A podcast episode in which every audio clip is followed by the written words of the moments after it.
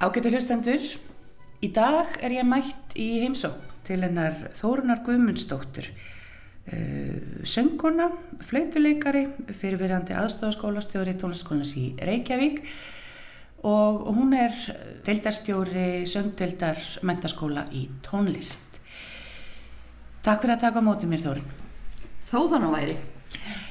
Um, ég kom eiginlega undir því yfirskinni að ræða við þig um söguna um Orfi og Evridísi. Mm -hmm. Svo sem ekki af neinu tilefni nema þegar ég fór að skoða söguna að þá er þetta svona sagan sem að hvað mest hefur verið gert úr í tónlist. Já, þetta er eiginlega alveg ótrúlega þegar maður fyrir að skoða lista yfir uh, óperu sem byggjast á þessari góðsögn að einhverju leiti. Uh, góðsögnin reyndar er til í fleiri nefni mynd og það er bæði sagt, Orfi og sjálfur og hans hlutverk.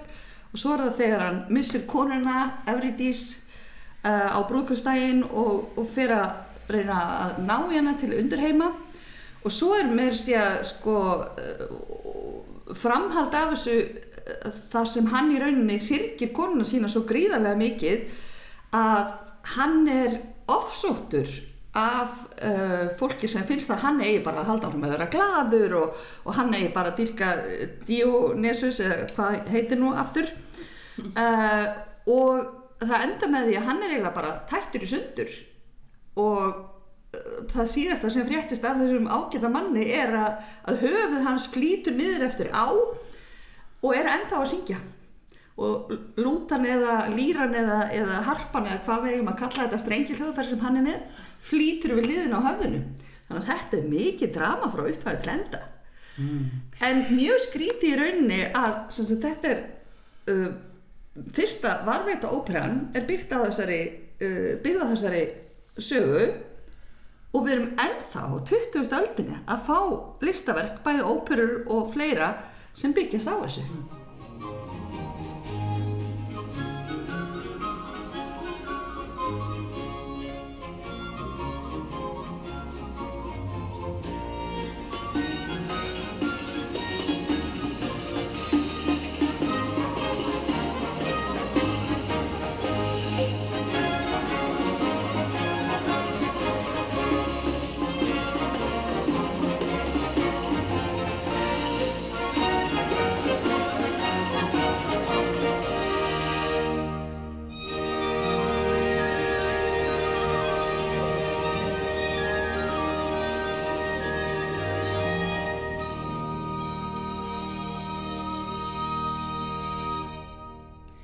Áður en við förum í þetta,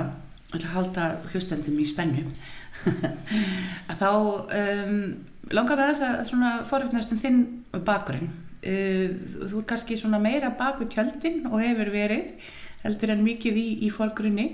en uh, segð okkar aðeins frá, frá þínum bakgrunni. Já, ég er alveg upp í Kópói og uh,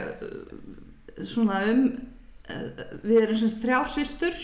sem erum allar sendar í tónlistanám á sögum tíma. Það var tónlistaskóli Kópavóksin í tekinsi starfa og uh, sýstur mín og tvær fara að læra á piano og ég fer að læra á þverflötu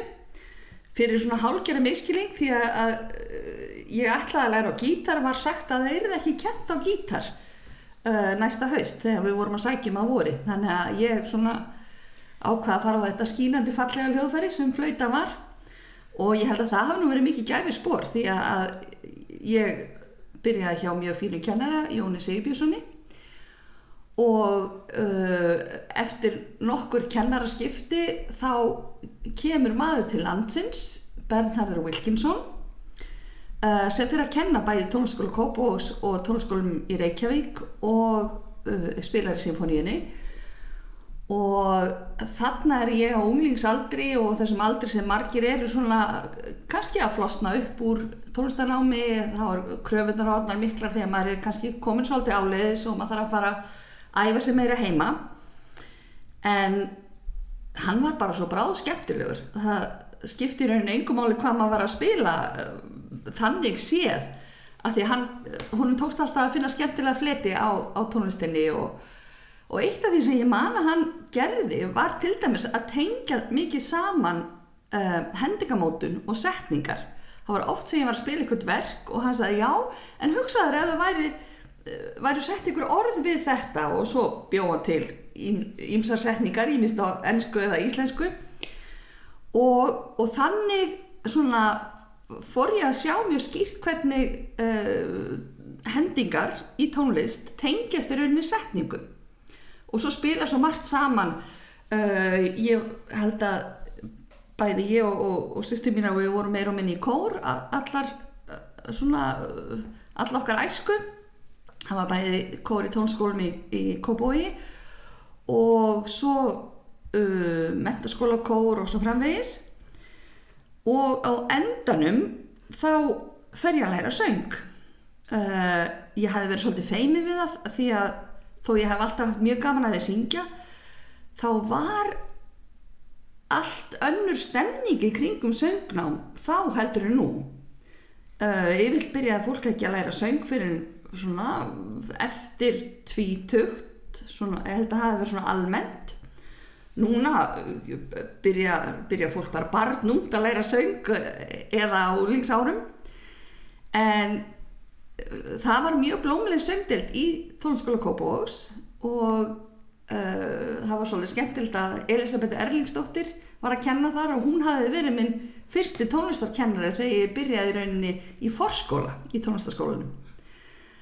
Og svona ég held áfram með flautuna, jafnliða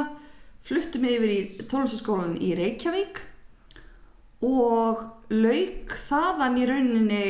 ansi mörgum lokaprófum, ég held að ég slá Georg Bjartfriðarsson út í, reyði fyrir þæliböll lokaprófin sem ég uh, svona kláraði.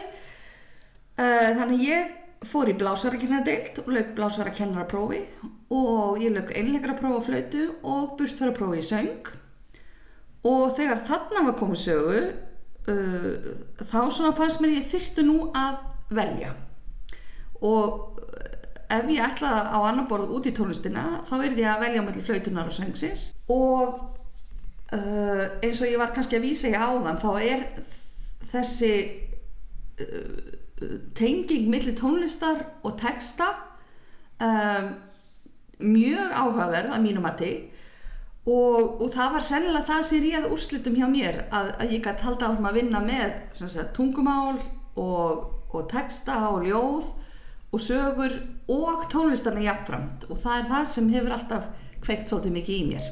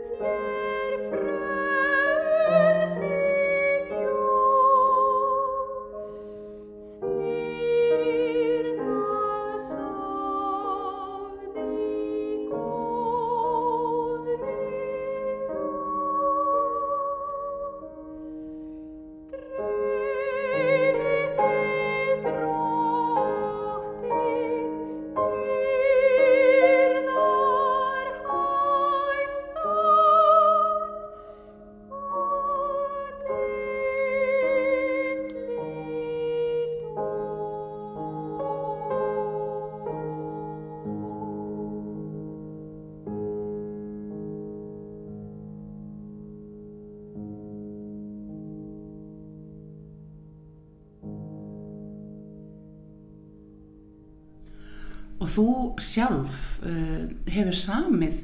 uh, ansið mikið af verkum. Hvar, hvar kemur það inn? Uh, bara, var það frá, frá Bassarli? Varst það að semja lög og, og... Nei, í raunin ekki. Ég hefur alltaf fundist mjög heitlandi þessi, þessi sköpun bæði í tengslum við sko texta sem getur þá verið ljóði eða skáldsögur eða leikrit eða hvað sem er og eins tónlist en ég held alltaf að þetta væri eitthvað fólk sem væri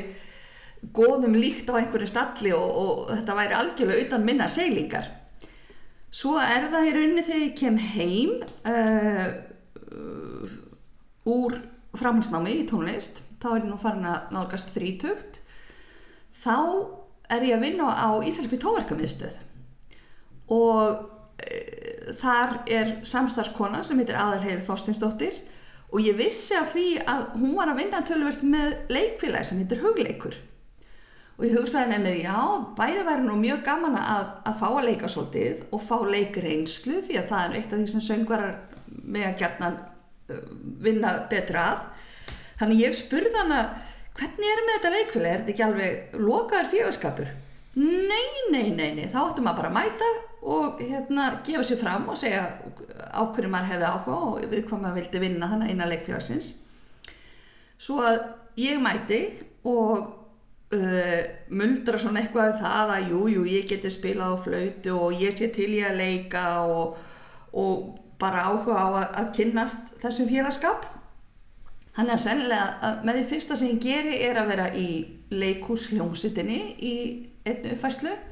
Þá átti ég ekki eins og flautu því að ég hafði selgt hana til þess að kaupa mér íbúð, uh, til þess að eiga fyrir útborgun og uh, þannig að ég þurfti að kaupa mér flautu en það var mjög gaman að koma aftur af flautunni eftir svona nokkur ára hlið því að ég hef ekkert spilað á hana á meðan ég var úti í námi. Uh, og það sem var svo gaman var í rauninni að, að koma að tónlist án þess að vera með þessa fullkomnunar uh, kröfu. Að því að bæði maður sjálfur og svolítið kennararnir og, og bara andrúsloftið í klassísku tónlistinni er svolítið að maður eigi að gera feilnóndur, maður eigi að koma rétt inn, maður eigi að spila hreint og vera svolítið upptekinn af öllu þessu. En það sem ég kynntist þarna í, í hugleik var gleðin yfir mistökunum. Það var alveg dásamlega uppgötun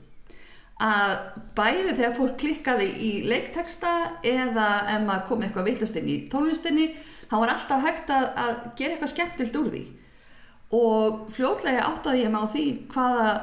hvað þetta var mikið gjöf og ég hef svona reynt að deila þessu áfram til minna nefnda En að því varst að spyrja um, um skriftir að þá er hugleikur svona svolítið sérkynanlegt leikfélag að því leiti að það er gert ráð fyrir að félagar sjáu um allt frá aðtölu uh, skrifi tónlistina, skrifi leikritinn, skrifi söngtestana, uh, saumi búningana, smíði leikmyndina og svo framvegis. Og þegar maður er, innan um svona margt skapandi fólk sem uh, í rauninni spyr ekkit endilega hvaða geti, heldur bara já, vantar sem sagt stuttan leikþótt, heyrðu ég skrifa hann bara uh, þannig að þetta var næstíðu svona punk hugsunarháttur þarna. Og ég hugsaði bara með mér já, hverju hefur maður að tapa ef maður prófar? Þannig að ég byrja nú á því að þrefum áfram að skrifa leikteksta og þegar, þegar maður hefur einu sinni heilt leiktaksta fluttan eftir sig og ég tala ekki um þegar maður fær viðböru frá áhöröndum jáfnvel að þeir fara að hlæjað einhverju þá allavega í mýru tilvikið það var ekkert aftur snúið því að þetta er alveg ótrúleg bara já, ótrúlegt kikk sem að sletti nú. Þegar ég var búin að taka þetta skrif að, að skrifa einhvern leikteksta þá hugsaði ég með mér, já, kannski maður bara reyna að skrifa einhverja tónlist líka. Þá má hann reynda að skjóta því að, að í tónlistaskóla Kópavóks þegar ég var þar þá, þá var skólastjóri þar Fjölnir Stefánsson og hann var uh, bæði býstna klúrin uh, á að finna svona nýjungar í skólastarfi og hafði líka áhuga á því að, að virkja sköpun hjá nefndum og það var þegar Karolina Eiríksdóttir kemur heim úr námi ætli ég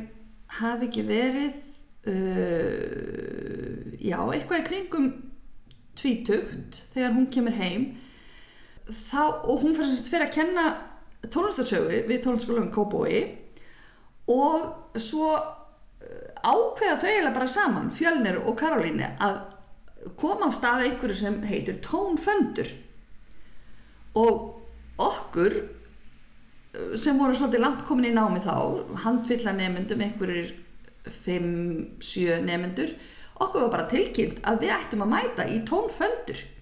sem fólst þá í því að semja tónlist. Og mér fannst þetta svolítið svona óyfirstíganlegt og, og þá var ég líka kannski með þessa fullkomöðunar áráttu að, að gleima því hvað er hægt að leika sér mikið í tónlistinni.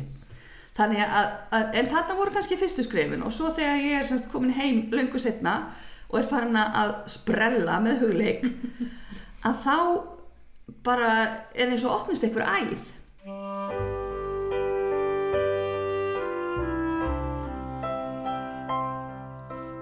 Við tjarnar bakkan endurnar sapna í sarpa og svanirnir að fögnuði öndunum varpa. Aldrei fyrr ég leit þá svo fáránlega hvíta Fóklættar mæðurnar frumburðunum snýta og fransbrauði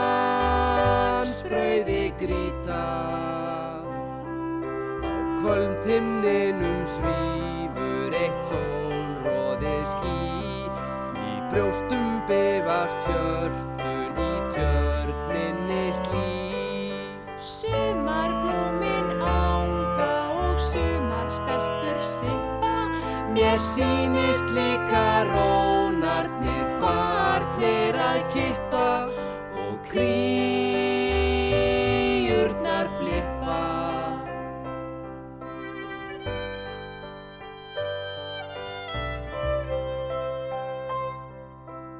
tjörninni öll húsin á kolvi standa keik. Þar sílin eru komin í stórfiskaleik. Sniglarnir á bakinu bera litla kofa. Birkir hýslur andaktugar sólar föður lofa. Og sorgirnar sofa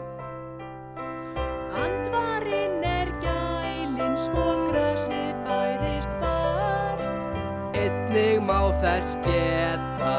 Hólminn er smart Esjan virðist blunda í bleiku aftanskinni Og þarna skrýður tryggvi og leitar sér að vini Af gagstæðu kyni. Síðan þá, þá hef ég skrifað bæði leikrit, leikrit með söngvum og óperur og það kemur nú kannski til að því að, að þegar ég var farin að kenna við tónlistaskólinni Reykjavík og var með bæði ég og, og, og aðrir kennarar voru með svona svolítið langt komna nefendur að þá hugsaði með mér já, væri nú ekki gaman að- flétta saman þessum áhuga málum að hérna uh, leiklistin og, og óperur og sönglistin að, þetta kom allt saman saman. Og fór svona að, að, að prófa að skrifa eitthvað og hef í rauninni gert það síðan að hafa það í huga bæði hvaða nefnendur eru til staðar og skrifa fyrir í rauninni það efni sem ég er með hverju sinni það er að segja uh, tvö-þrjú hlutverk fyrir mjög langt komna nefnendur uh, kannski fjögur hlutverk fyrir svona millilangt komna nefnendur ef maður getur orðað það sem svo uh, sem eru þá aðeins minna krefjandi og svo kannski getur þá geta þeir sem eru steist komri verið í kórnum. En allir fá sviðisreynslu uh, þannig að þetta hefur svolítið gengið út á það hjá mér að, að vinna með vinna með efni sem er til staðar svona sönglega séð og svo náttúrulega var líka alveg rosalega gjöfa að vera í tónlistarskóla uh, þar sem voru líka langt hvori nefnendur og þá gæti maður að vera með hljómsveit. Þannig að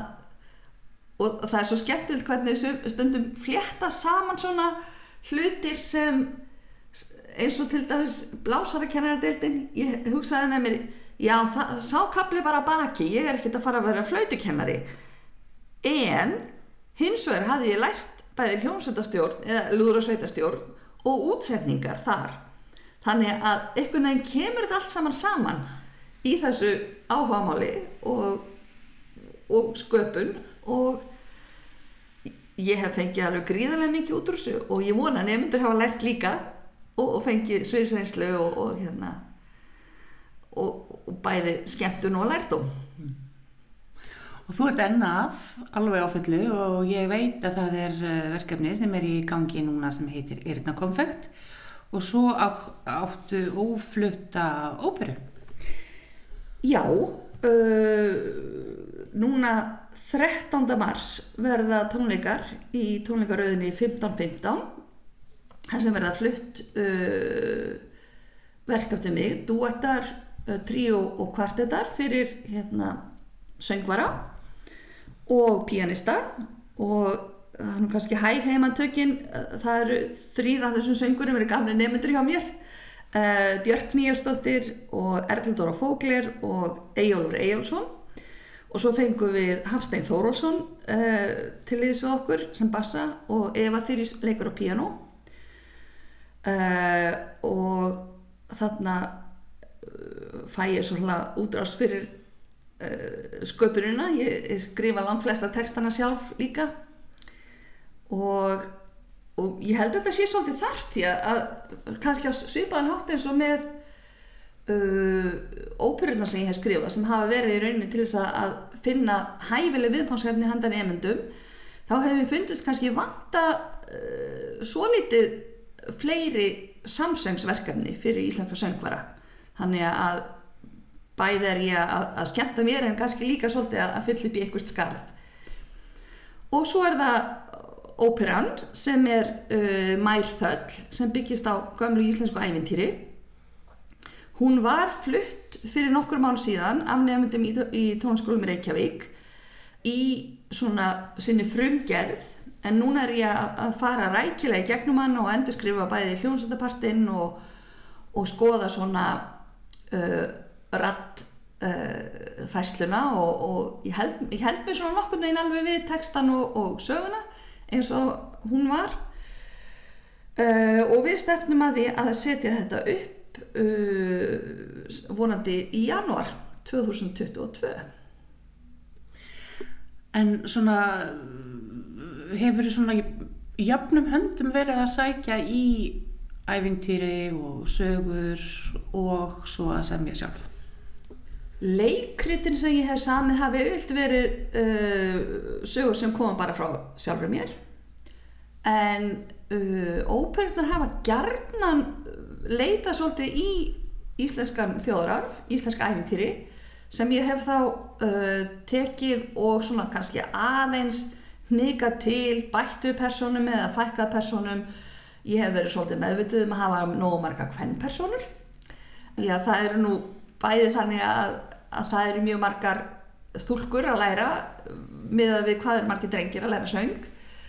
Og eins er það nú bara svona gegnum gangvændi með óperur og leikverk í gegnum tíðina að uh, það eru miklu fleiri hlutverk fyrir karla heldur en konur. Uh, það helga sjálfsagt af ímsu bæði hafa fleiri karlar verið að skrifa og þá er þeir kannski aðlilega að leita frekar í sögur sem við tengja við um, reynsluheim karla ef maður getur sagt það svo. Og uh, svona, já, líka í gegnum tíðina þá hafa karlar verið þeir sem hafa kannski komið atbyrðar á af stað eða verið ráðandi og uh, þeirra sögur hafa þótt kannski dramatískari og áhugaverðari. En bæði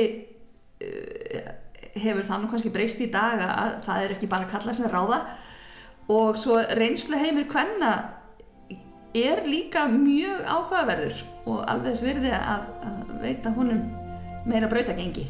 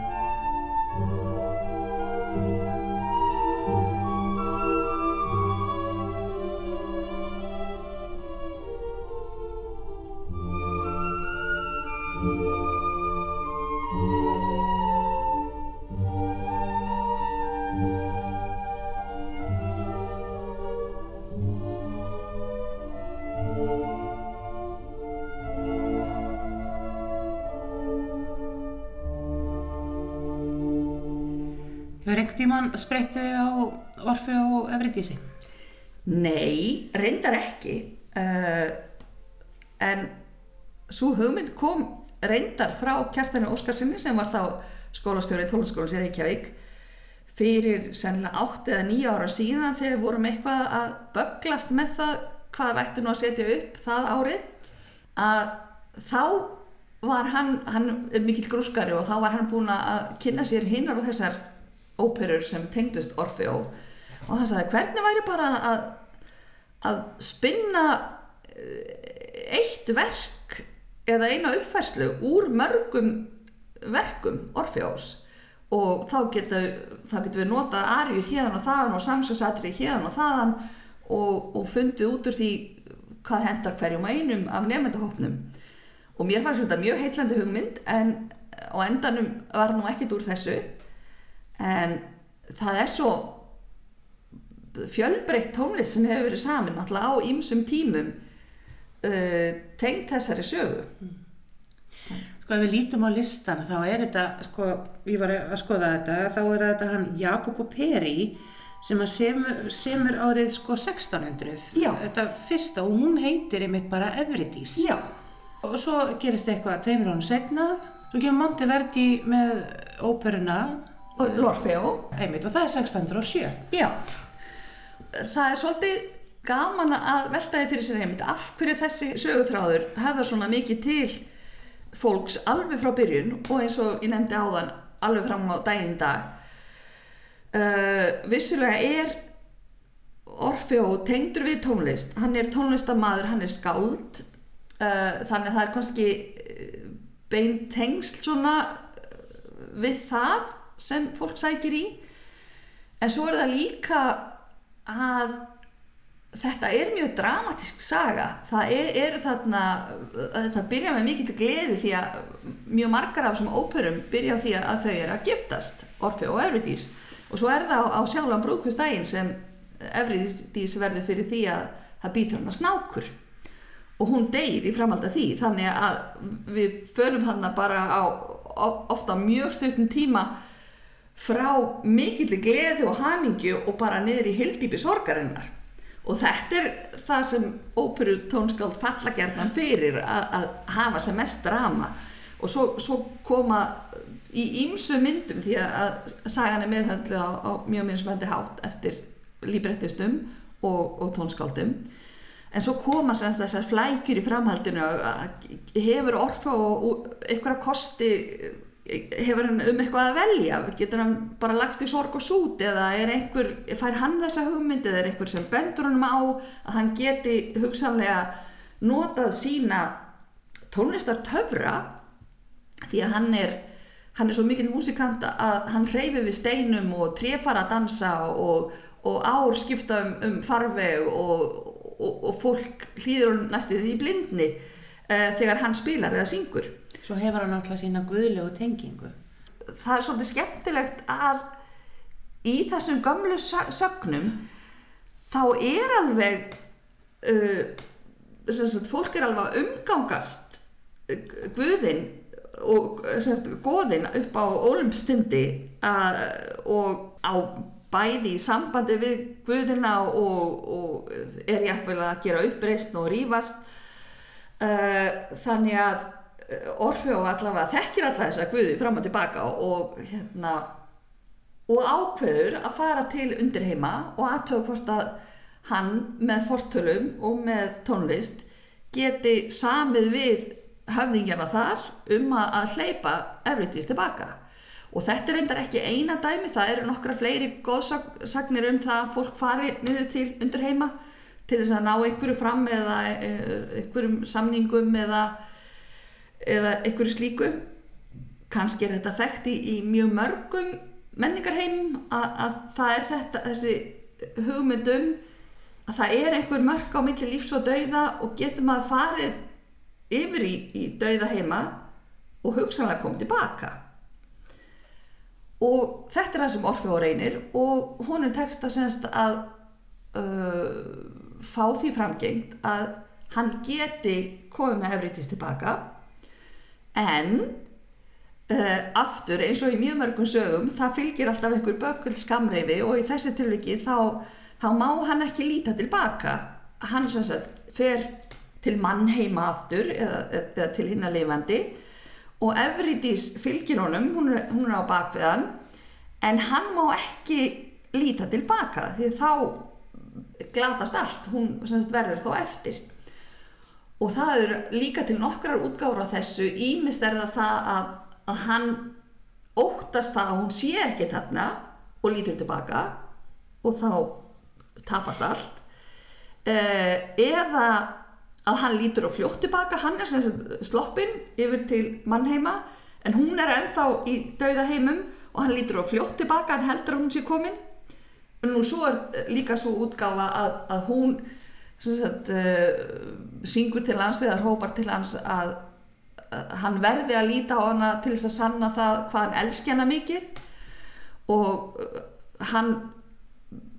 verst í lengstu lög og, og, og lítur ekki tilbaka fyrir en í rauninu hún hótar jáfnveil bara snúa tilbaka því að það sé auðsið að hann elski hann ekki þannig að það er engin tilgangu fyrir hana að koma með honum. This is the tragedy of the son of Calliope. She taught him to sing and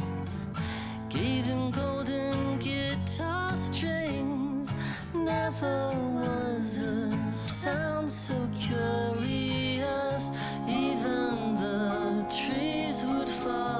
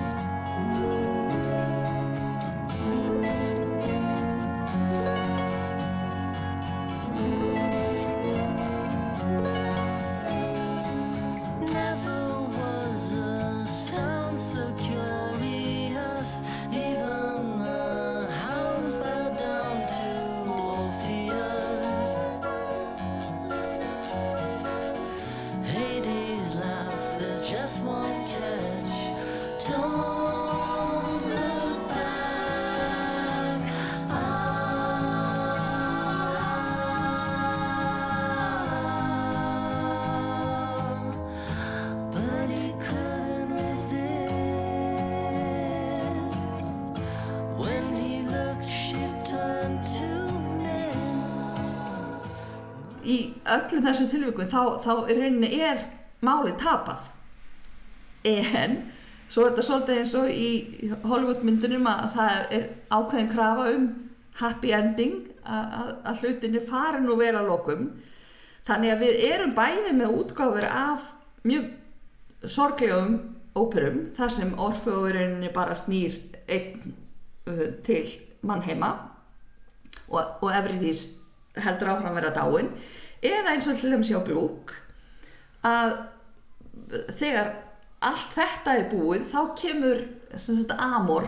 ástin og, og bjarga málunum þannig að uh, Everydís fær á endanum að samirast Orfeó en þessi saga hefur verið sögð bæði sem þess frá sjónarhóli Everydísar þar sem hún er í rauninni aðalfókusinn og frá sjónarhóli Orfeós svo hafa jafnvel sko fólki sem býr í undirheimu það hefur jafnvel fengið sína rödd og sagan hefur verið sögð frá þeirra sjónarhóli að þetta er náttúrulega mjög ósangjant að einhver sem var í rauninni komin til þeirra og átt að vera þarna að eilífu að hann sé bara numinn brott. Og svo er, til náttúrulega fýblaskapur eins og hjá Offenbach þar sem við erum með Orfeo sem er ekki uh, í rauninni uh, neitt góðum líkur á neitt hátteldur er hann bara auðmur fyrirkennari og er í rauninni orðin hundleiður á konu sinni og er mjög gladur þegar hún deyr.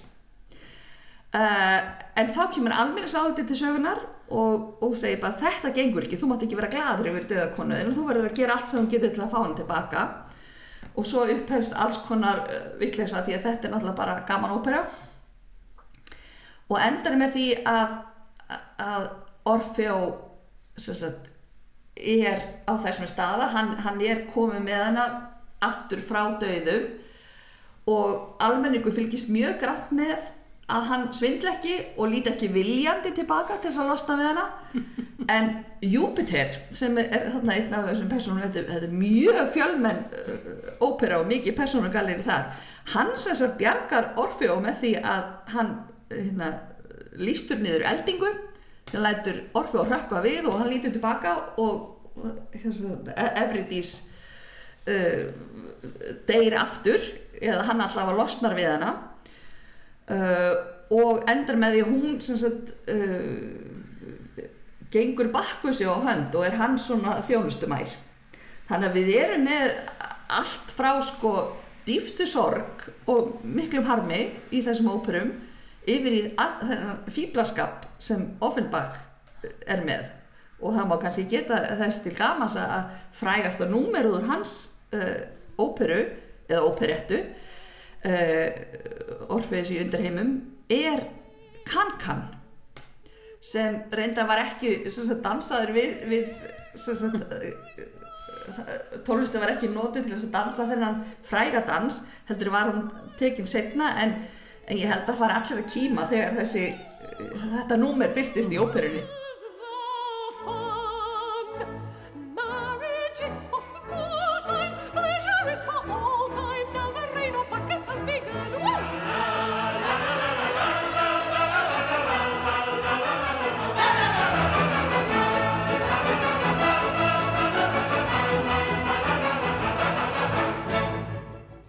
Þannig að þetta í raun að veru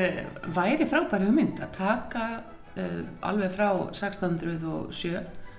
frá Monteverdi og taka alveg til okkar daga því að nú veit ég til dæmis að Kristína Plúar uh, hefur gert fallega samsetningu á, á Orfeo. Mm Já, vissilega, og það mætti ímynda sér alls konar útfæsla á því, það mætti jáfnvel hugsa sér að þetta sé stílsagað einhverju leiti að maður tekur í rauninni í réttir tímaröð elstu óperurnar sem eru nú reyndar kannski ekki mjög áhugaverðar svona tónlistarlega sé því að,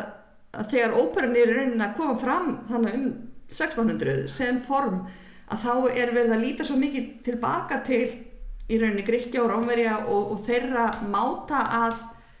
að flytja leikteksta þannig að uh, lýsingin á því hvernig leikteksti er fluttur og hálf sungin var í rauninni fyrirmyndin að óperunni. Þannig að þetta var fyrst og fremst hugsað sem leikform og það sem við kallum resitatív í dag var það sem var ríkjandi í þessum óperum og bara einstaka svona lagstúfar inn á milli. Svo bara kom mjög fljótt í ljós að fólk hafði ekki einbeitingu til að hlusta á endalösa resitatív þannig að Monteverdi sem, sem er þarna uh, 1607 bara 7 árum eftir fyrstu óperuna í rauninni hann er sá sem slærir rauninni fyrst í gegn með þessu formi af því hann er þetta með uh, laglínur og, og svona áhugaverðari kabla út frá tónlistinni Allir kannast nú við forleikin að þessar óperu. mhm, akkurat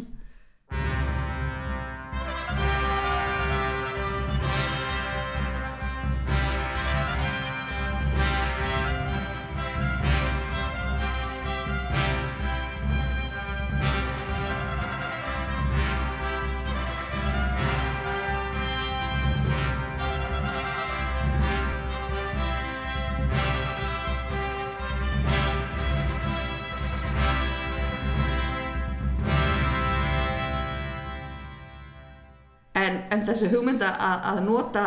hérna, þessa sögu og, og, og þessa þetta, þennan mikla fjársöð sem er til það er vissulega hún er allar aðtekli verð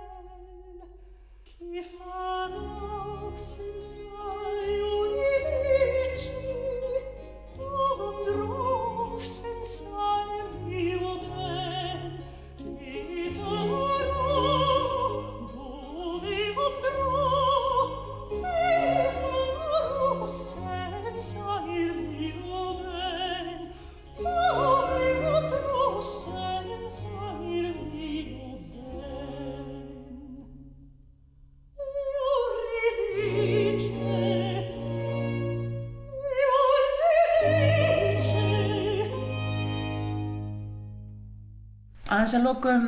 Þórun, um, átt þú þér eitthvað svona uppáhaldsatriði? Uh, ég á mér til dæmis uppáhalds það er hann að bæði dans dans hinna blessuðu anda úr glukk og, og líka Kefaro, Sensa, Juridice hvað ger ég ánennar Evridísar minnar sem að Orfeó syngur? Þetta er líka úr glukk. Er eitthvað annað sem að hérna er þetta þín uppáhaldsatriði kannski líka? Ég, þetta er sennilega með þekktust atriðunum og að því ég var nú að tala um ég hefði lært á flautu þá mann ég eftir að hafa spilað dansina blessuðu anda eða hvernig maður þýðir þetta nú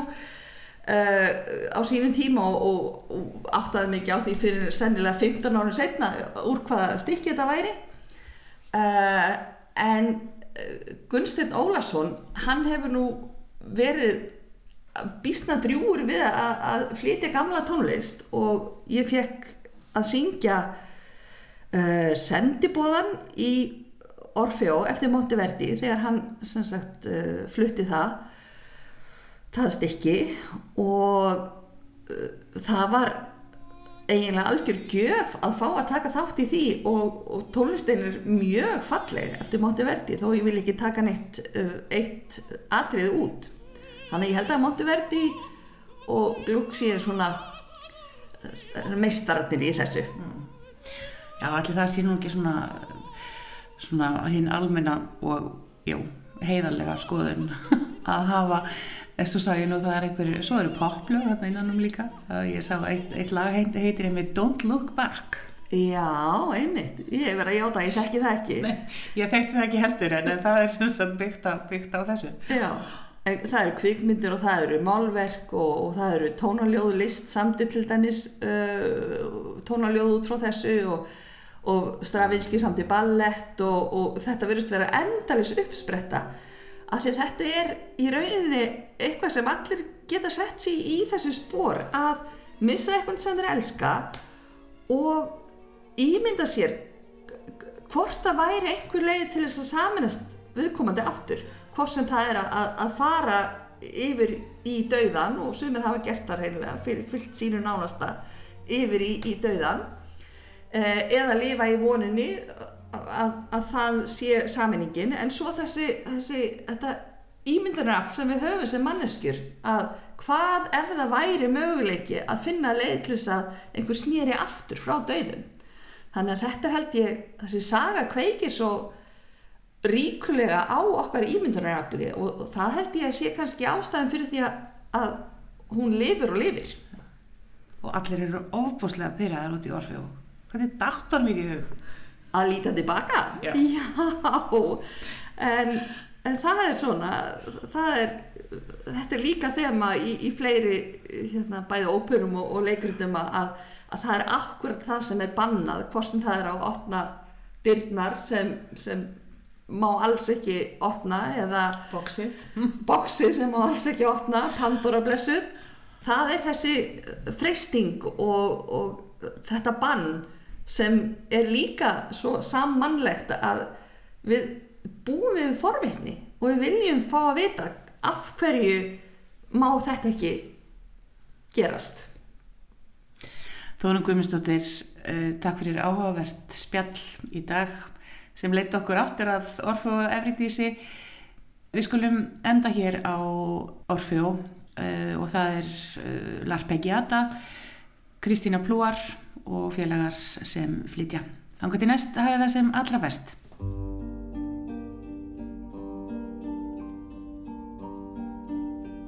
Cubrámonos con cenizas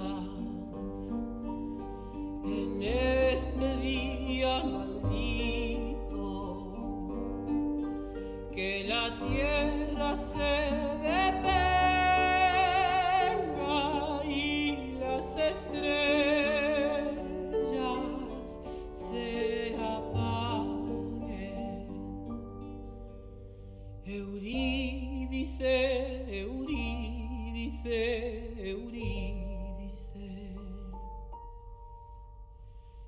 Eurí, dice, Eurí.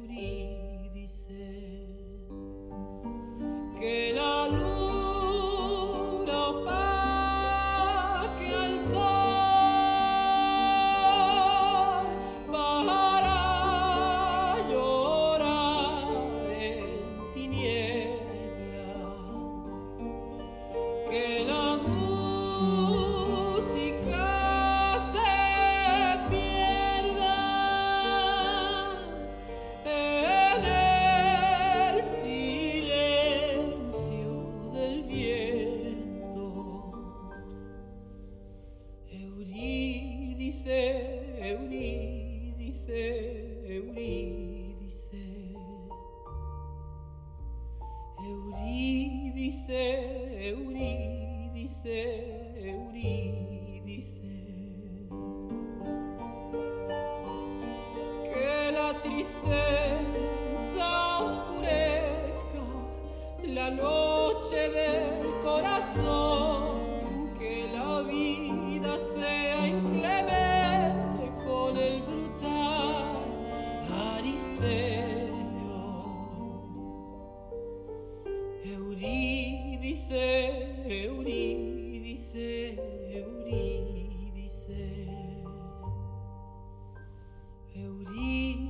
say.